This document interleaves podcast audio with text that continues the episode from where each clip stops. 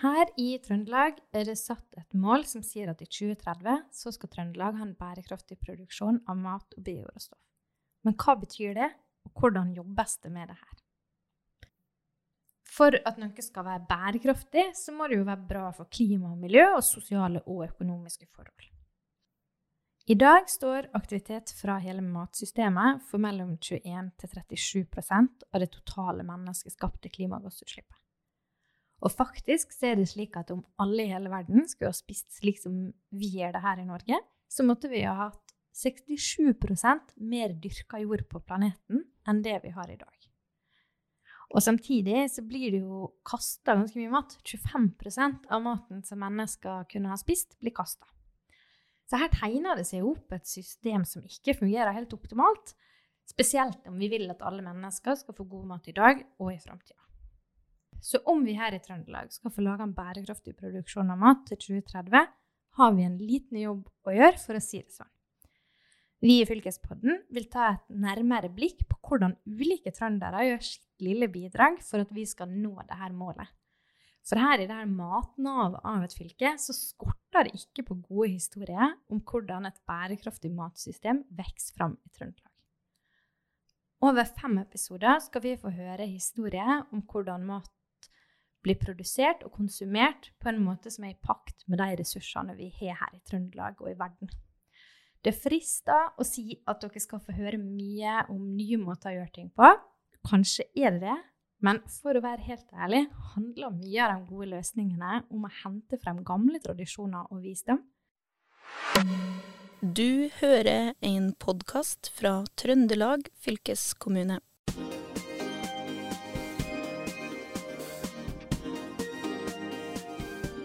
Velkommen til Fylkespodden. I likhet med forrige uke er temaet i dag også relatert til mat.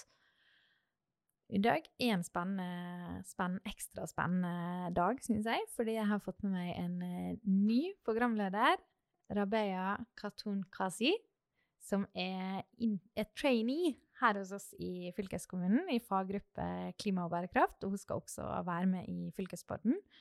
Eh, og du, Rabea, du har jo vært her i knapt en måned nå. Ganske sporty å bli med inn i, inn i fylkespodden. Her blir du bare kasta, ut i det. Men hvordan har denne her nå første lille måneden vært for deg? Oh, jeg har det kjempebra, Kjersti. Det passer jo også med min fagbakgrunn i bærekraft. Og jeg er veldig heldig med hyggelige kolleger som dere har vært på ulike måter, har blitt kjent med mange folk som jobber med interessante ting, og så måtte noen av være politikere. Så jeg gleder meg til min årene i fylkeskommune, og så er kjempeglad at jeg skal være i fylkespodden også. Ja, det er så det er godt. Det er godt å høre. Vi har jo lyst til å ta Det er viktig for oss å ta godt, godt imot nye som, eh, som kommer inn, både i faggruppa vår, men også her i her i Fylkespodden. Og du har jo vært med litt som, eh, som skygge på innspillinga på forrige episode, og du har vært med på å forberede episodene. Og hvordan er det med, med mat, Rabeia? Rabea? Er du, har du et engasjement for mat? Oh, jeg er kjempeglad i mat. Også jeg er opprinnelig fra Bangladesh. Så jeg kommer fra en kultur hvor mat er en stor del av liv. Så kjempeglad i mat. Da passer det jo perfekt å kombinere med meg. Jeg er jo veldig glad, jeg jo, jeg er glad for at jeg har fått en alliert. Jeg er jo veldig entusiastisk for uh, temaet mat. Det er jo noe som våre faste lyttere har uh, nok har fått med seg. Men nå i dag da, så skal vi snakke om noe som, som, folk kanskje ikke umiddelbart tenker på når de tenker på noe de vil spise, men som allikevel er viktig. Og det er altså jord. Trøndersk jord. Eh, og når vi har gjort eh, forberedelser til denne episoden her, så har jeg blitt skikkelig overraska over hvor mye det egentlig er med, med, jord, og hvor mye det jeg ikke, jeg ikke visste fra før, og hvor mye jeg tar for gitt, egentlig. Hvor mye jeg tar jorda under beina mine for gitt. Så jeg er ganske gira på denne episoden her, og spent på ja, å dele egentlig den uh, informasjonen og kunnskapen som jeg tror gjestene våre har å komme med. Eh, for vi har med oss to veldig spennende gjester. Begge to er karer som har mange jern i ilden. Eh, og det gjør det jo egentlig nesten mildt sagt vanskelig å introdusere dem, men eh, vi skal gjøre et forsøk. Ja, først har vi med oss Eirik Engang fra Hjortpro, som er en trøndersk oppstartsbedrift som enkelt sagt lager himla bra jord ved å kompostere ulike organiske materialer ved hjelp av en fancy reaktorkompostering. Det skal vi få høre mer om, men først litt mer om Eirik selv. For han jobber ikke bare med å lage jord, han er en utdannet agronom, en er melkebonde, økologisk så klart. Også virker han litt som lærer for både ungdommer og voksne. Velkommen hit, Eirik. Og så, hvordan endte du opp med å jobbe med jord? Ja, det er kanskje en lang historie, det, da. Eh, jeg var jo vokst opp i byen, egentlig. Uh, fikk jo litt ansvar for uh, sånn hagestell og jordbærdyrking, da. Det syns jeg var veldig spennende da jeg var ungdom, da. Litt, litt, utenom boksen i forhold til det mange andre holder på med. Og drivhus etter hvert. Og da, vet du, på, vi hadde en nabo som var byggmester, og da fikk vi noen gamle vinduer. Så vi satte opp et drivhus av gamle vinduer, blant annet. Som vi dyrka litt forskjellig. Tomat, druer osv. Wow. Kjempespennende. Men uh, hva er det Jordpro egentlig gjør? Ja, Jordpro eh, de eh, har eh, et sånt forretningskonsept da, ved at de bruker veldig mye resirkulert Eller tar del i sirkulasjonssamfunnet, eller sirkulasjonsøkonomien. Eh, og vi bruker eh, råstoffer fra næringsmiddelindustrien som ellers har havna på søppeldynga. Det kan være varer som har gått ut på dato, matvarer rett og slett. Eh, og andre råstoffer fra, kanskje fra husdyrproduksjon, noe fra slakteri osv. Eh, og gjerne litt organisk materiale fra ja, trevirke og sånt. Alt det der blir blanda. Uh, og da blir det til jord etter hvert gjennom en kontrollert kompostering. Ja, og Eirik, du har jo vokst opp i Trondheim by, så du er jo bygutt. Men blitt uh, melkebonde, og nå etter hvert også uh, jord, jordprodusent, skal jeg til å si. Hva, er, det en, er det vanlig å gå fra å være bygutt til bonde? Nei, det er vel ikke så veldig vanlig, men uh, det, det, er kanskje noen få bønder som er det, da. For av og til så er det jo noen sånn ledige gårder på markedet. Det som er vanlig i Norge, du har jo denne odelsretten, at det går fra far til sønn osv., men det er ikke bestandig at det passer, da. Og ja, forskjellige årsaker så er det jo andre som heller vil følge sine egne interesser, og da havna nå i det sporet. da. Det, det, å bli bonde det var et av, eh, et av mine ønsker fra jeg var sånn 12-13 år. altså. Og hvordan var det? Hvordan reagerte klassekompisene dine på, på det? Nei, Jeg snakka vel ikke så mye om det der og da, egentlig. Jeg gjorde ikke det. Men det skal være artig å høre noe eh, til helga, nå, for nå skal vi på sånn eh, russejubileum, da. så det så da kan det hende at uh, jeg får, noen, får litt feedback på det. Ja, for det tenker jeg at Hvis du har vokst opp i by, så forventer du ikke å dra på sånn jubileumsfest med klassen, og så er det noen som har blitt melkebonde. Ja, ja de vet nok det. Vi er jo litt aktive på sosiale medier, en del av oss. da. Men vi har med oss en, eh, en gjest til. Faktisk enda en bonde som også lager jord. Eh, Carl Erik eh, Skjølberg, bonden sjøl fra Skjølberg eh, Søndre gård.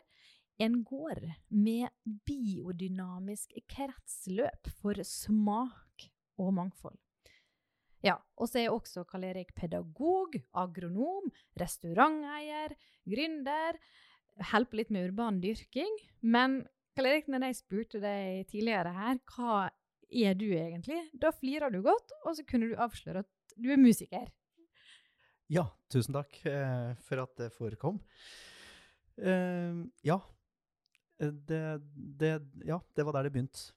Du begynte med Ja, ja. Men hva, hva er det egentlig du holder på med på, på Skjølberg, Søndre? Det høres ut som det er et hav av aktivitet her, med alle disse hattene du Litt kaos. Eh, kaos og mangfold. Da blir det, da blir det bra jord til slutt. Eh, nei, altså vi har jo Vi har egentlig holdt på med det her i, i 20 år. Eh, der vi begynte i Sverige. Eh, vi kjøpte oss når vi gifta oss, eh, Elin og jeg da, så, så, eh, så hadde vi råd til akkurat to kyr. Men så viste det seg at de var med kalv, så vi fikk fire. Så vi var veldig heldige, syns vi. Og så eh, leide vi oss en gård i Värmland. Og så flytta vi eh, litt rundt. Så dyrka vi også Vi begynte å dyrke på en gang. Eh, og så tenkte vi at det vi dyrka, skulle jo være eh, maten til når vi gifta oss, da. Så, så vi dyrka all mat sjøl. Og så ble vi veldig fascinert egentlig over det her med kretsløp. Det her med eh, hvordan også innom en gård, region, kan prøve å ivareta eh, så mye ressurser og næring og kretsløp som mulig da, for å få gården til å funke. da. Så, eh, så det var egentlig et sånt eh, Det har alltid vært en sånn eh, nysgjerrighet, spennende hva skal man si, nysgjerrighet, spennende måte å prøve å gå inn i forskjellige problemstillinger på, da, som ja, som vi egentlig bare aldri har gått lei, da. Det Så- høres jo så romantisk ut. ja, det er veldig fint. de var med oss i ni år, de der eh, kyrne, eh, helt til vi endte opp i Ørebro, da. Eh, og, og drev egentlig en slags sånn eh, sosialpedagogisk eh, gård med kretsløp og massevis av forskjellige grønnsaker og urter eh, med masse folk. Så jeg tror vi var 18 til lunsj eh, hver dag. Dæven. Men nå har dere endt opp eh, her i Trøndelag på egentlig slektsgarden din? Ja, Det er det. Vi eh, eh, var jo så heldige at vi Det fantes en gård der også, men eh, ja, der har, vi har liksom ikke hatt så mye kontakt gjennom de åra da, da vi bodde i Sverige. Men så ble vi rett og slett spurt om, eh, om vi hadde lyst til å komme eh, fra tanta mi og, og eh, ta på oss denne gården og gjøre noe greier. Og da tenkte vi ja, hvorfor ikke det? så, så da flytta vi rett og slett høsten 2012, da. Og, og da er det jo, jeg skjønner jo det med deg, at når man spør sånn, ja, kan du komme og gjøre noe greier, da blir det jo helt klart greier. Det blir greier, altså. Um, fordi gården din nå har jo en hjemmeside, og jeg var litt inne på det i dag, for på den så står jo det beskrevet at gården din er en biodynamisk kretsløpsgård for smak og mangfold. Og, jeg bare tenker, hva, hva betyr det egentlig? Nei, altså hva er det? Det betyr vel egentlig at uh, mat Altså vi må kanskje forstå maten mer og mer eh, i et kretsløp. Altså at vi forstår at vi eh, Mye ut av det vi spiser, består av egentlig et kretsløp i samfunnet. Og at vi prøver også bare ordlegge oss litt på en måte som gjør at vi får til de ressursene og næringsressurser og kretsløpet med mat og kompost og jord og eh, frø og så videre, liksom på en gård, da.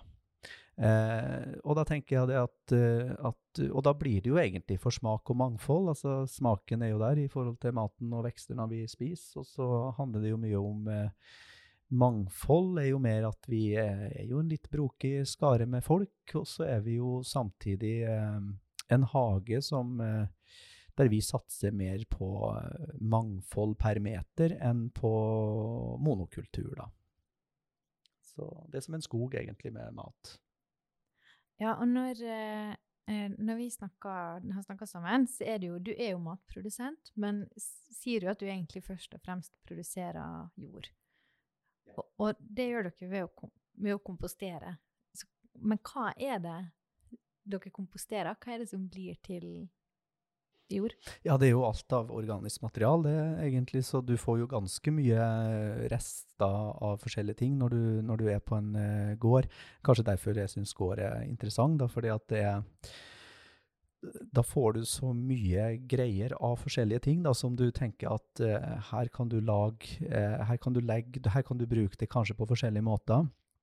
Uh, du kan gjøre forskjellige kompostteknikker. Du kan, du kan, prøve ut litt på forskjellige metoder. Så du har jo litt sånn spilleromsplass da, for at det er litt plass til å holde på. Um, men det er alt ifra altså, matrester som vi ikke kan spise, uh, til uh, strø, halm, uh, sagflis som vi bruker fra, fra vedproduksjon, sammen med møkk fra kyr, møkk fra gris, ender. Så vi blander jo opp alt det her og, og lager en, eh, et ganske langt eh, Ranke er jo det man kaller det for, men eh, det ligner jo mye på et brød, da. Altså et kjempelangt, stort brød som du egentlig har i ovnen. Eh, det som er litt kult med det, det er jo at eh, når du begynner å behandle den her eh, store, lange rankeformen, eller brødformen, så ryker det av den. og det er litt heftig, så det minner mye om å bake, bake brød, da. Så du får både varme, eh, og du ser også de største mikrolivet som da holder på liksom, å produsere eh, liksom, eh, Og bryte ned da, det her eh, avfallet til å egentlig bygge opp eh, den næringen vi skal ha. Og grunnen til at vi sier jord, det er jo der det begynner, og det er der det slutter. Ikke sant? Altså, vi må ha jord om vi skal ha en matproduksjon eh, som er næringsrik for alle i framtida. Og hos eh, jordpro, da? Lager, er det det samme som går inn i brødet deres, eller som blir til jord hos dere? Mm, det er jo kanskje ikke akkurat de samme ingrediensene, men um, prinsippet er jo det samme. Bare at vi har et helt lukka kretsløp hvor alle avgasser blir tatt vare på. Og um, til og med nitrogenet som ofte fordamper fra en sånn kompostranke. Eh, inni en trommel så har man muligheten til å ta vare på avgassene og sende det ut eh, gjennom eh, eh en, et annet system, som eh, f.eks. syrevask. Og da får du gjenvunnet det nitrogenet, så du kan liksom anrike komposten med nitrogen som ellers ville ha gått tapt til lufta.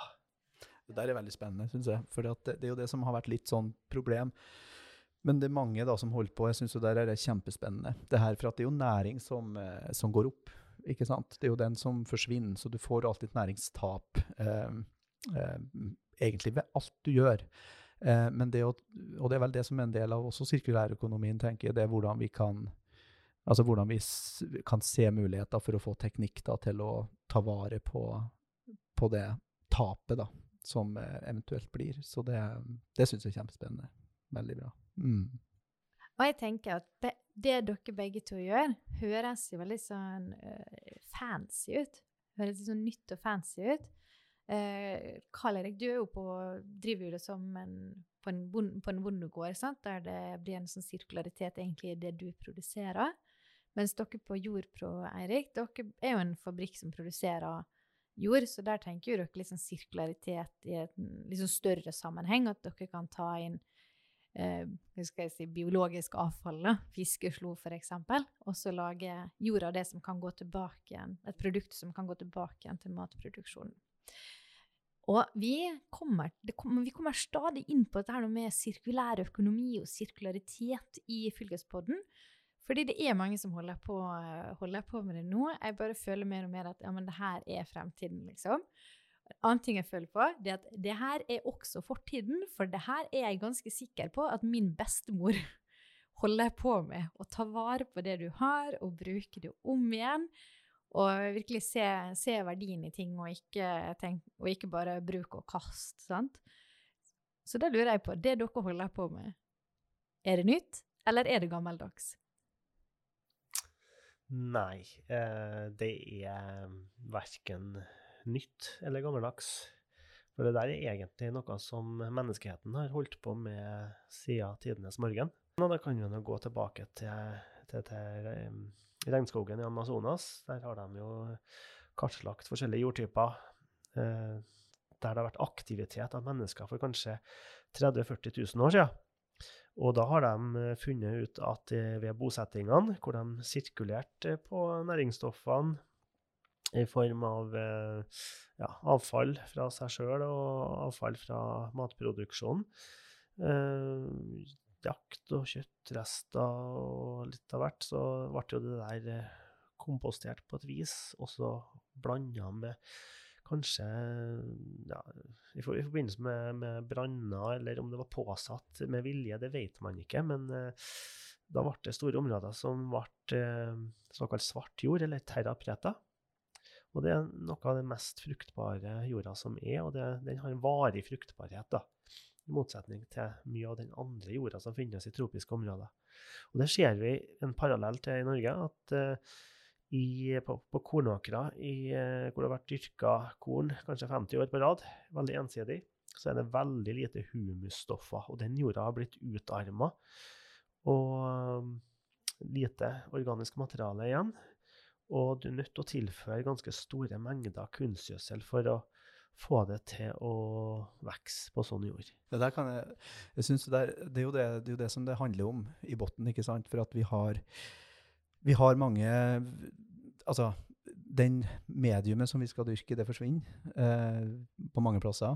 Det blir eh, Og næringa som egentlig vi tenker skal ligge der, den, den, eh, den flyter egentlig mer ut i eh, bekkefar. Og så til slutt så gjødsler vi egentlig fisken og får algeblomstring egentlig på helt feil plasser. Eh, den næringa vil vi jo egentlig ta vare på. Den vil jo skal ligge på plass der vi legger den. Og, og, det å ha en struktur som holder på den næringen og den, den fukten, men samtidig også transportere næring eh, der du legger den, eh, er veldig veldig viktig for, for matproduksjon også framover.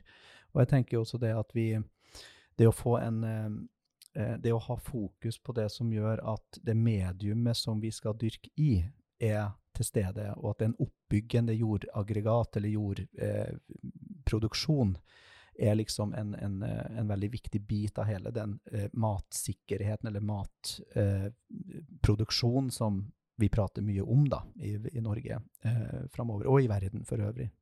Eh, verden har vel sett flere litt flere konsekvenser av det å ikke eh, ha jord. Og da er jo klart at uh, når uh, I Sverige der vi var også, da var det jo veldig vanlig at man får ofte at man skiller veldig på produksjoner. ikke sant? Planteproduksjon blir i én del av landet, og så blir husdyrproduksjon en annen del. Og da får du husdyrproduksjon Uh, og de vet vi jo hva gjør. De lager jo eh, De er jo en eh, kompostbinge på fire føtter og lager fantastisk råvarer til, til, til jord. Men problemet er at de er ikke satt sammen med planteproduksjon. Så da har du noen som produserer veldig, veldig masse råvarer til, til jord. og så har man ikke nok areal å spre det her på. Og da må man til slutt begynne å tømme det ut i skog og i andre plasser, som gjør at det her eh, egentlig Den næringa vi skulle ha hatt eh, til nettopp den maten vi skulle ha spist, eh, drar andre plasser. Det høres ut som en folesløsing.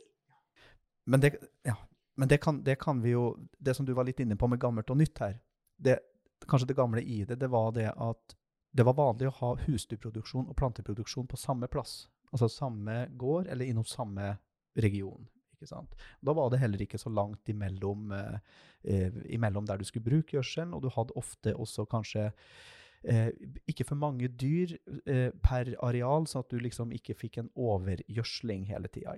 Sånn at det å, det å ha nok dyr per kvadratmeter eller per dekar som gjør at du liksom kan gjødsel på en rett måte, det tror jeg bare også blir mer og mer moderne å komme inn i matproduksjon også.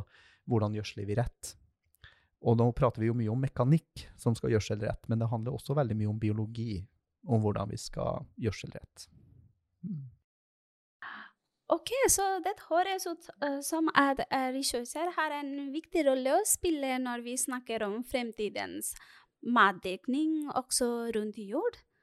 Så nå jeg har et spørsmål til uh, Eirik. Jeg har lest på deres nettside at Jotbo har sendt patentsøknaden. Vil du fortelle litt om dette, fordi jeg vet ingenting om patent? ja, akkurat når det gjelder patentet, så kan ikke jeg si så veldig mye, vet du, for det er litt sånn bedriftshemmeligheter her. Vi kan ikke røpe for mye, og da vil konkurrentene stjele ideene. Men uh, noe av essensen med det Jordpro holder på med, det er jo at vi tar vare på ressursene. Eh, for vi må jo erkjenne det at tilgangen på de råstoffene vi bruker i kunstgjødselproduksjon i dag, de har blitt katastrofale for enkelte eh, nå. Altså, prisene på energi har jo gått opp til det tredobbelte. Og da har prisen på nitrogenet også skutt i været.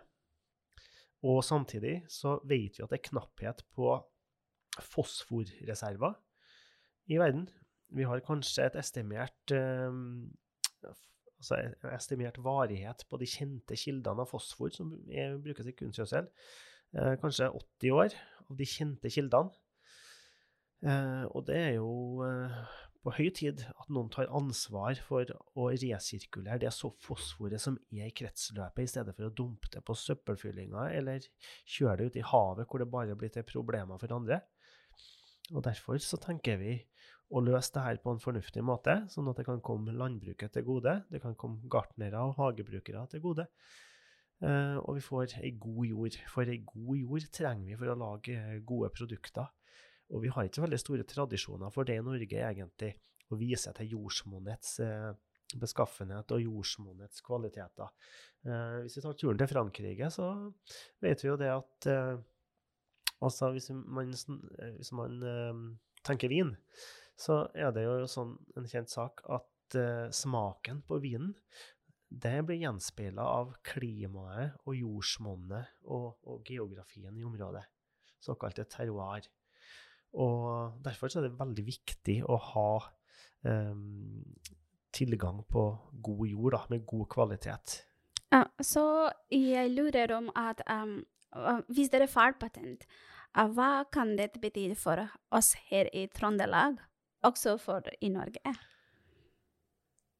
Um, ja, det med patentet uh, betyr jo at vi kanskje får produsert uh, ting på en mer fornuftig måte, litt mer effektivt enn vi ville ha gjort ellers, og at vi får tatt vare på, på ressursene på en uh, bedre måte. Og med tida så håper vi at det kommer opp flere slike fabrikker, sånn som uh, vi ser på Jordpro sitt anlegg på tidligere i dag.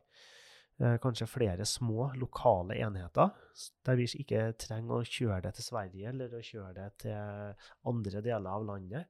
For eh, slik avfall, avfallshåndteringa har eh, foregått i Norge i dag, så har det jo vært helt horribelt. Altså, man kjører organisk avfall kanskje 20-30 mil unna, og så tilbake igjen. Det vi trenger, det er kanskje mer lokale anlegg som krever mindre transport, og at det kommer Eh, til bruk der, eh, på den jorda da, som er i nærheten. Men noen, du var litt inne på dette med jordsmonn. og du, Jeg merker jo at dette med jord og næringsstoffer knyttes opp til matproduksjon. Og jeg har et spørsmål uh, som jeg må komme, jeg har noe jeg må komme til bunns i. For i min husholdning er vi altså over gjennomsnittet glad i gulrot. En gang en vinter så drakk samboeren min så mye gulrot at han seriøst ble oransje. For det farga liksom underutsvettet med sånn betakaroten. Som sånn bloggere bruker og sånn. Men veldig glad i gulrot. Og jeg opplever at ofte er, gul, oftere og oftere er gulrota vassen i smaken. Altså, den bare smaker ikke like godt som jeg mener at den gjorde i gamle dager. Så da lurer jeg på, begynner jeg å bli en sånn her gretten type, sånn alt var bedre før-type? Eller har det skjedd noe med, med gulrøttene, liksom? Rabaya, hva syns du? Jeg er også helt enig med deg, Kjersti, men jeg uh, tror um, Jeg også føler at dette er ikke bare med gulrot. Jeg føler at alle slags grønnsaker mister smak enn, en hvis jeg sammenligner med før. Også dette er ikke bare i Norge, dette også skjer i hele verden. Uh, landet jeg kommer fra, så vi har så mye forskjellige typer grønnsaker. Men da finnes også ikke smak som, som vi hadde da jeg var barn. Så jeg også lurer om er det bare pga. variert jordkultur? Er det noe å gjøre med dette, eller uh, hva tror dere? Jeg kan si litt om det. Altså, veldig mye av uh, intensiv eh, matproduksjon i dag, det skjer jo ute på jordet når f.eks. gulrota skal vokse fort, den skal bli stor, om å gjøre å få mest mulig avling på minst mulig areal. Og da må det gjødsles veldig hardt med nitrogen. Og det vi vet, at uh, kraftig nitrogengjødsling, det utvanner produktene. Det blir mindre tørrstoff og mindre smak. Og Det er dokumentert. du, og når du sier sånn nitrogen og fosfor og sånn, på en måte det, er- det er det i kunstgjødsla, men det er det også i den komposterte, gode jorda? Ja. Det er kanskje litt annet mengdeforhold. At det er mer fosfor i kompost og litt mindre nitrogen. Sånn at veksten er mest avhengig av nitrogenet, mens kvaliteten er avhengig av bl.a. fosfor og de andre næringsstoffene. Kan jeg si det litt sånn at når alt skal gå fort, det er jo også sånn innom eh, vekst, eh, altså industrien òg, ikke sant, altså dyrkeindustrien også, det er jo det at man finner alltid, alltid skal man finne noen ting som gjør at eh, hvordan skal vi få det til fort, på minst mulig tid, eh, og størst mulig, ikke sant. Og da har du jo den løsningen da med, med lettløselig næring da, som man kanskje også kan si i forhold til det som vi kaller for kunstgjødsla, eller den, det er jo mange typer av, av sånne ting, men som gjør at det også er veldig avhengig av mye vann eh, for å få brukt det ordentlig. Og da får du, som eh, Erik er inne på, at du får den der eh, du, du får liksom mer en utvanna versjon, og ikke så mye tørrstoff, da. Og så er det jo noe med cellebygging. altså Alt som skal vekst, skal få lov til å få lov til å få tid. ikke sant? Egentlig sånn, Biologien består jo egentlig av tid. Det å få lov til å bygge sine cellevegger, få lov til å liksom ta den tida det trenger. Gjerne at det er litt motstand òg, for det utløser også en del smak eh, som du kan måle. Altså kjemiske utsondringer som gjør at, at, det, at det skal være litt røft også. Ikke, det skal ikke gå for lett. Eh, og da utsondrer det også smak, eh, eh, i, i eh, grønnsaken også. Men eh, når eh, man rydder bort alt, det skal gå fort, og ingen motstand, og man pøser på med mye lettløselig nitrogen, da skjer det ting med produktet også. Absolutt. Men eh, hvis, eh, hvis man skal mate alle mennesker, må gulrota være litt eh, dårlig da, eller er det Fordi det tenker jeg må jo være motargumentet, at ja, men vi må gjøre det på den her noe stor, raske storproduksjonsmåten fordi at alle mennesker skal få mat. Nei, altså det eh, Nei, det må jo bli bra. Vi må jo ha næring. Altså, og vi må jo ha variert næring. Eh, og jeg tror at det er ikke noen motsetning med å dyrke masse eh, med næring, eh, og god næring og god smak.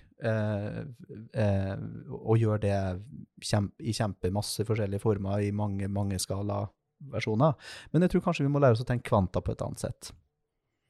At kvanta ikke blir eh, et resultat av bare masse gulrøtter eller bare masse kålrot, men kvanta mat er eh, den totale forskjellige maten vi spiser på en måned eller et år. Og da må vi jo landskapet se litt annerledes ut, ikke sant? Da kan det ikke bare stå masse monokulturer rundt omkring i regioner. Da må det jo være faktisk mangfoldige hager som, eh, som produserer masse forskjellig mat. Det er i hvert fall veldig morsomt å se hvordan jord, hvordan en trøndersk jord, eller produksjon av jord, har blitt til basisen egentlig i, i liksom nærings, eh, trøndersk næringsvirksomhet. Jeg merka jo, som jeg sa innledningsvis, at jeg har jo tatt jorda Altså, jorden under mine ben. Jeg har jo tatt det fryktelig for gitt, og ikke helt eh, har ikke forstått at i ei håndfull god jord er det like mye mikroliv som det er mennesker på hele planeten. Utrolig fascinerende og morsomt å høre om hvordan dere bygger, har bygd deres si, nesten både liv og forretninger ut, på, ut fra jord. Tusen takk for at dere kom hit til oss i dag, Karl Erik fra Skjølberg Søndre og Eirik Engan fra Jordpro. Mitt navn er Kjersti Bjørnvik, og med meg som programleder i denne episoden her har jeg hatt Rabeya Katun Katsi.